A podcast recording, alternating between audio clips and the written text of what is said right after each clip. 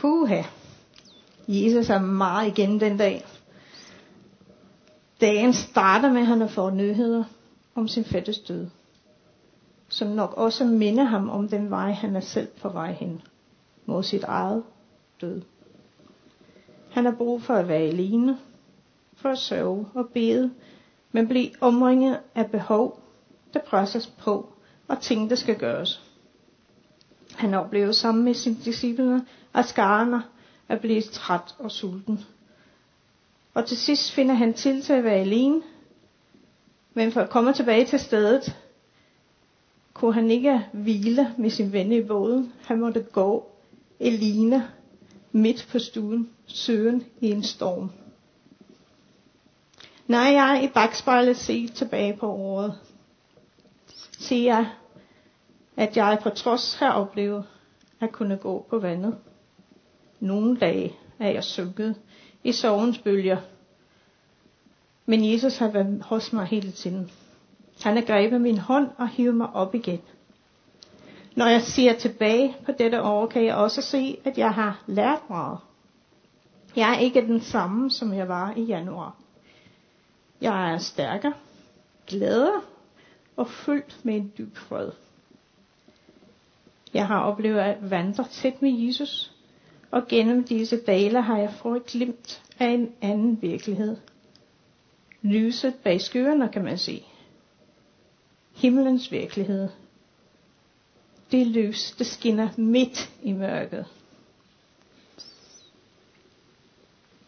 Det lys ser jeg i måden, hvorpå Jesus klarer den her stressede dag. Hvordan han reagerer og reagerer i det.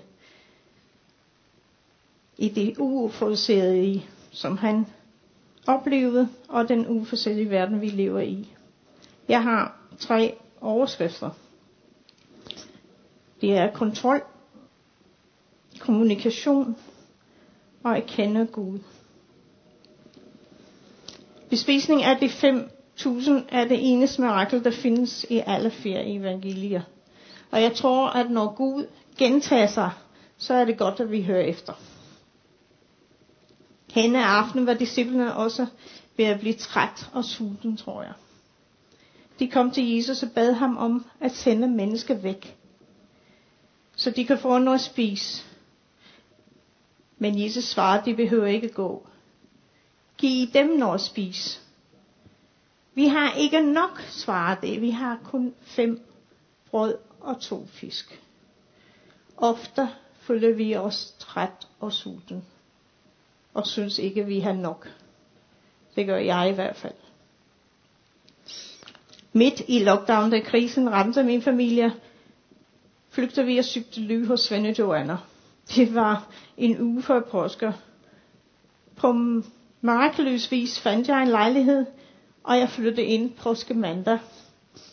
Og dagen efter åbnede daginstitutionen igen, og jeg var på arbejde. Vi blev tilknyttet grupper med 10 børn, som vi måtte være sammen med. Vi var bare være udenfor, men solen skinnede i det flotte forår, og da jeg arbejdede tæt på skov, tilbragte vi dagen ude i naturen. Jeg prøvede at være nærværende sammen med børnene, men mit hoved var faktisk et helt andet sted. Jeg kæmpede med at finde en mening med mit liv. Jeg har lange diskussioner med Gud. Hvorfor skete dette? Hvor var han henne? Han ikke lovet mig, at han alting vil være sammen til Gud, hvis jeg elsker ham. Hvor var det gode? Det vil slet ikke at finde, synes jeg. Jeg synes, at jeg havde mistet alt. Jeg havde kun mit knust hjerte og krummer af liv tilbage. De dage, vi var i skolen, havde vi blandt andet en lille pige på tre år med, og hun var ret ængstelig, og hun holdt mig i hånden hver dag, da vi gik på tur. Og hele vejen stillede hun mig en masse spørgsmål.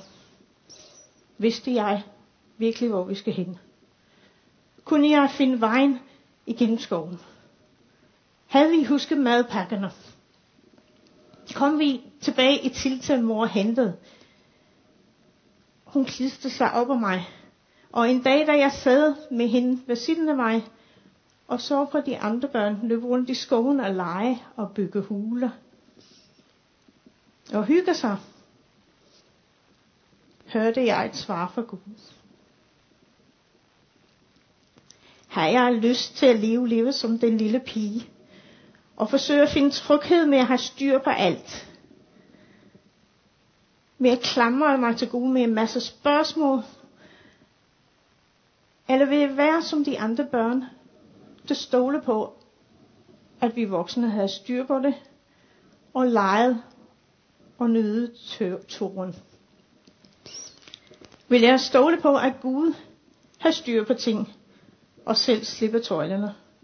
Giv ham det lidt, jeg har tilbage, og i stedet for nyde hver øjeblik af mit liv. I stedet for at blive ved med at prøve at få ting, som jeg vil have dem, ved indtrængende at bide ham om at få mine problemer til at gå, hørte jeg hans svar, ligesom han svarede disciplerne. De behøver ikke gå. Jeg valgte at stole på, at selvom jeg kunne ikke se noget godt i situationen, at han kunne vende det til godt. At jeg selv midt i en storm, var han med mig, og det var nok. At tro på, at selvom jeg havde mistet alt, havde jeg ikke mistet ham. Og det var okay, så længe han var hos mig. At han var mit alt. At hvis han var med mig, så skulle det nok gå. Jeg valgte, at jeg kunne være taknemmelig for det, jeg havde, i stedet for at fokusere på alt det, jeg havde mistet. Jeg valgte at sætte ham på tronen og lade ham styre. Giv ham mit liv og de lille små, jeg havde tilbage. Mine fem små brød og to fisk. Slippe kontrollen og have tillid til ham. Det lyder fint, Joy, kunne man sige. Men hvordan kan man have tillid til Gud? Hvordan kunne jeg have tillid til Gud? Det kunne jeg, fordi jeg har haft mange erfaringer af hans kærlighed gennem mit liv. Jeg har lært ham at kende og at stole på ham. Vi kan have tillid til Gud, når vi lærer ham at kende. Han er trofast. Men hvordan lærer vi nogen at kende? Det gør vi med at tilbringe tid sammen med dem og kommunikere med dem. Jeg har været pædagog i 30 år, og jeg er fast overbevist om, at al udvikling sker i relationen. Og de sidste 10 år har jeg faktisk lidt og studeret for at finde frem til det, der kendetegner en god relation. Jeg mener, at der er fire forudsætninger for en god og positiv udvikling i relationen. Det er grobund for al kvalitet i pædagogikken, men også i vores relation til Gud, tror jeg. Det har jeg faktisk oplevet, og jeg ser også, at det er i disse måder, at Jesus agerer og reagerer i den her passage. Med kommunikation, gensidighed, inklusion og vækstmuligheder. Kommunikation kan defineres sådan her. At møde hinanden med åbenhed og ærlighed, uden fordom, kendetegnet ved at kunne påvirke hinanden med positiv eller passende respons. Disciplerne i denne passage vidste ikke, hvad de skulle stille op med disse trætte og sultne mennesker.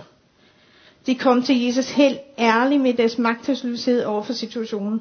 Vi ved ikke, hvad vi skal stille op, tror jeg, var deres hjertesuk. Send dem væk, sagde de til Jesus. Sådan har jeg haft det med alle de vanskeligheder, det har mødt mig over. Tag dem væk, har jeg endelig bedt Jesus. Nogle gange har jeg også faktisk bedt ham om at tage mig væk fra denne verden. Find mig et andet sted at være. Det er kommunikation. Det er at være åben og ærligt. Det er vigtigt, at vi kommer frem til Jesus og fortæller ham, hvad vi har på hjertet. Alt, hvad vi har på hjertet.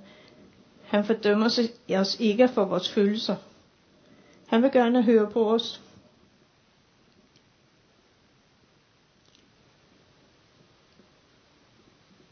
Jesus har også svaret mig, som han svarede disciplerne. De behøver ikke gå. Jeg har oplevet, at han er svaret på mine vanskeligheder. Ikke at han fjerner dem. Men at de kan mødes med ham ved min side han giver mig styrke til at møde dem med kærlighed og håb. Med ham i hånden kan jeg møde vanskelighederne, og også de mennesker, der har krænket og såret mig, med kærlighed og håb.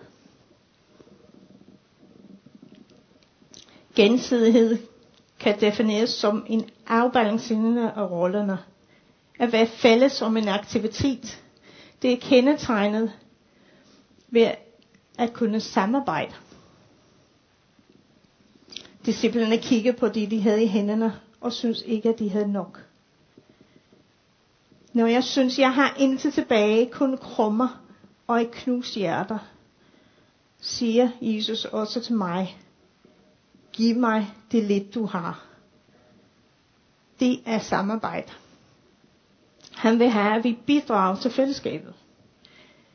Vi synes ikke, at vi har noget at tilbyde, men de er vores brudte hjerter, vores krummer, vores svaghed, han ønsker, at vi bringer til ham. Charles Spurgeon udtrykte det sådan. God does not need your strength. He has more than enough on his own. He asks for your weakness. He has none of that. Gud har ikke brug for din styrke. Han er mere end nok af det selv. Han spørger efter din svaghed. Det har han ingen af. David udtrykte det sådan i salmer 51, vers 17. For du vil ikke have slagtoffer, og bringer jeg brandoffer, tager du ikke imod det. Mit offer, Gud, er et syndebrudt ånd. Et syndebrudt og syndeknus hjerte afviser du ikke. Paulus sagde det på den her måde. Tre gange bad jeg Herren om, at den måtte blive taget fra mig, men han svarede, min nåde er der nok, for min magt udøves i magtesløshed. Det er gensidighed. En afbalancering af rollerne. Vi giver Herren det, vi har. Vores magtesløshed. Og derved viser han os sin magt. Inklusion, det kan defineres at invitere og involvere det mindst sandsynlige alle kompetente deltagere. Kendetegnet ved en følelse af at være inviteret og inkluderet. I de andre evangelier finder vi ud af, hvor de brød og fisk kom fra, som Jesus forvandlede. I Johannes 6, vers 5-10 står der, da Jesus løftede blikket og så, at en stor skar kom hen imod ham, sagde han til Filip, hvor skal vi købe brød, til, så disse folk kan få noget at spise? Men han sagde det for at sætte ham på prøve, for selv vidste han, hvad han ville gøre. Philip svarede ham, brød for 200 denarer. En denar var en dagsløn, det er altså cirka 6 måneders løn, vil ikke slå til, så de bare kan få en lille smule værd. En af hans disciple, Andreas, Simon Peters bror, sagde til ham, der er en lille dreng her. Han har fem brød og to fisk. Men hvad er det til så mange? En lille drengs madpakke bruger Jesus. Han bruger det mindst sandsynlige eller kompetente deltager. Vi behøver ikke at vente til vi er voksne, færdiguddannet, rige, perfekter, har styr på det hele. Han tager imod, hvad vi har, velsigner det og bruger det, når vi giver det frivilligt til ham. Det er inklusion. Gud kan bruge alt, hvad vi bringer til ham. Vækstmulighed, det kan defineres som en præsentation af trinvis udfordringer med en relevante støtter. Kendetegn med at kunne nå ny indsigt eller muligheder. Jesus udfordrer os med passende støtte i form af hans stemmer og hans hånd til at komme ud af vores komfortzone.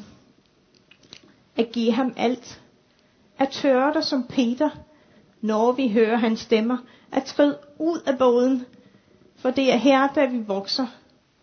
Får ny indsigt til, hvem han er. Og han får mulighed for at vise os sin magt. Der er vækstmuligheden. Det er der, vi kommer til at ligne Jesus mere. Da jeg kigger tilbage på mit liv, kan jeg se, at det er altid på disse fire måder, at Gud har mødt mig. Og jeg ser, at han forventer, at jeg er sådan i relation med ham. Han er ægte kærlighed. Han møder os altid i kærlighed med vores bedste for øje. Han elsker at bruge tid med ham. Med taknemmelighed og med et hjerte indstillet på at samarbejde med ham. Jeg vidste, at jeg kunne have tid til Gud, fordi jeg havde lært ham at kende. Gennem et langt liv og vandring med ham, har han kun mødt mig på disse måder. Altid med kærlige øjne. Og med et mål for mig, at jeg bliver mere som Jesus. Det samme måde ser jeg, når jeg læser i Bibelen, at han mødte Abraham og Isak og Jakob og Lea og Ruth og Esther og David. Og det samme måde mødte Jesus tollerne, syndere, udstytter, alle de mennesker, han mødte, mens han vandrede på jorden. At kende god stemme. Jeg har boet her i Danmark i 30 år. Mine forældre har boet i London, og de havde kun mig. Min bror døde, da han var fire, og jeg var kun et år gammel dengang. Min mor har været syg i 10 år, inden hun døde her i sommer. Og min far har passet hende. Da min mor døde i juli, besluttede min far, at han skulle flytte til Danmark for at være sammen med mig og børnebørnene. Og vi så på et lille rækkehus, som var til leg, og var en mulighed for ham og jeg at bo sammen. Og vi bad sammen. Min far var sikker på, at det var der, vi skulle bo, og det, det var det, han skulle. 20. skrev jeg under med ham på kontrakten, for vi havde jo ikke penge til depositum. Min far var jo sikker på, at han skulle til Danmark. Og jeg var sikker på, at Gud kunne give, hvad vi havde brug for. For mange år siden har jeg fået et vers, som jeg har levet på, som har været min klipper. Det er fra Lignelsen om den fortabte søn. Det er fra Lykkes 15, vers 31. Der er den ældste bror i fortælling har sat sig uden for døren, og faren kom, kommer til ham og siger, mit barn, du er altid hos mig, og alt mit er dit. Det har jeg erfaret igen og igen at være sandt. At Gud er altid hos mig, og han giver mig, hvad jeg har brug for. To dage efter vi har skrevet under på kontrakten, blev jeg kontaktet af en af mine forældres venner, der fortalte, at Gud havde vækket hende de sidste to nætter, og sagt, at hun skulle oprette en fond til min far. Hun spurgte mig, hvad vi havde brug for. Så sad jeg ned og regnede på, hvad vi skal bruge til huset, til flytning. Og så gav jeg hende et tal. Det var lidt over 80.000 kroner, altså 10.000 pund. Og så sagde hun til mig, det var lige præcis det tal, jeg havde i hovedet. Alt penge er kommet ind, når vi har brug for det. Den 5. og 11. flyttede jeg i huset. Den 4 december kom min far her til Danmark. Han har også fået CPR-nummer og opholdstilladelse uden problemer. Hvordan kunne vi skrive under på kontrakten, uden at have de penge? Var det ikke dumdristigt? Jeg vil ikke opfordre jer til at være dumdristig. Men jeg vil kraftigt opfordre jer til at slippe kontrollen. Giv jer styring af jeres liv til Gud. Brug tid sammen med ham i bøn og samarbejde i hans vilje. Det gør livet meget mere spændende. Brug tid i kommunikation med Gud og lær hans stemme at kende. Og når du har lært hans stemme at kende, vær lydig, når du hører det. Giv ham det, du har. Dine problemer, din tid, dine penge. Han kan forvandle det hele. Når vi giver ham det lille, vi har. Når han, vi giver ham alt, hvad vi har i hænder, forvandler han det til liv. Ligesom han forvandler en stille, mørkt nat til en rungende nat med lysende englesang.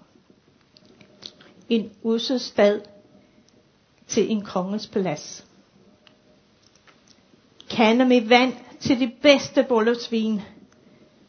Fem brød og to fisk til mad til 5.000. Smertens vej på korset til opstandelsesliv. Han kan forvandle vores små liv, vores knuste hjerter, de krummer vi har tilbage i slutningen af 2020.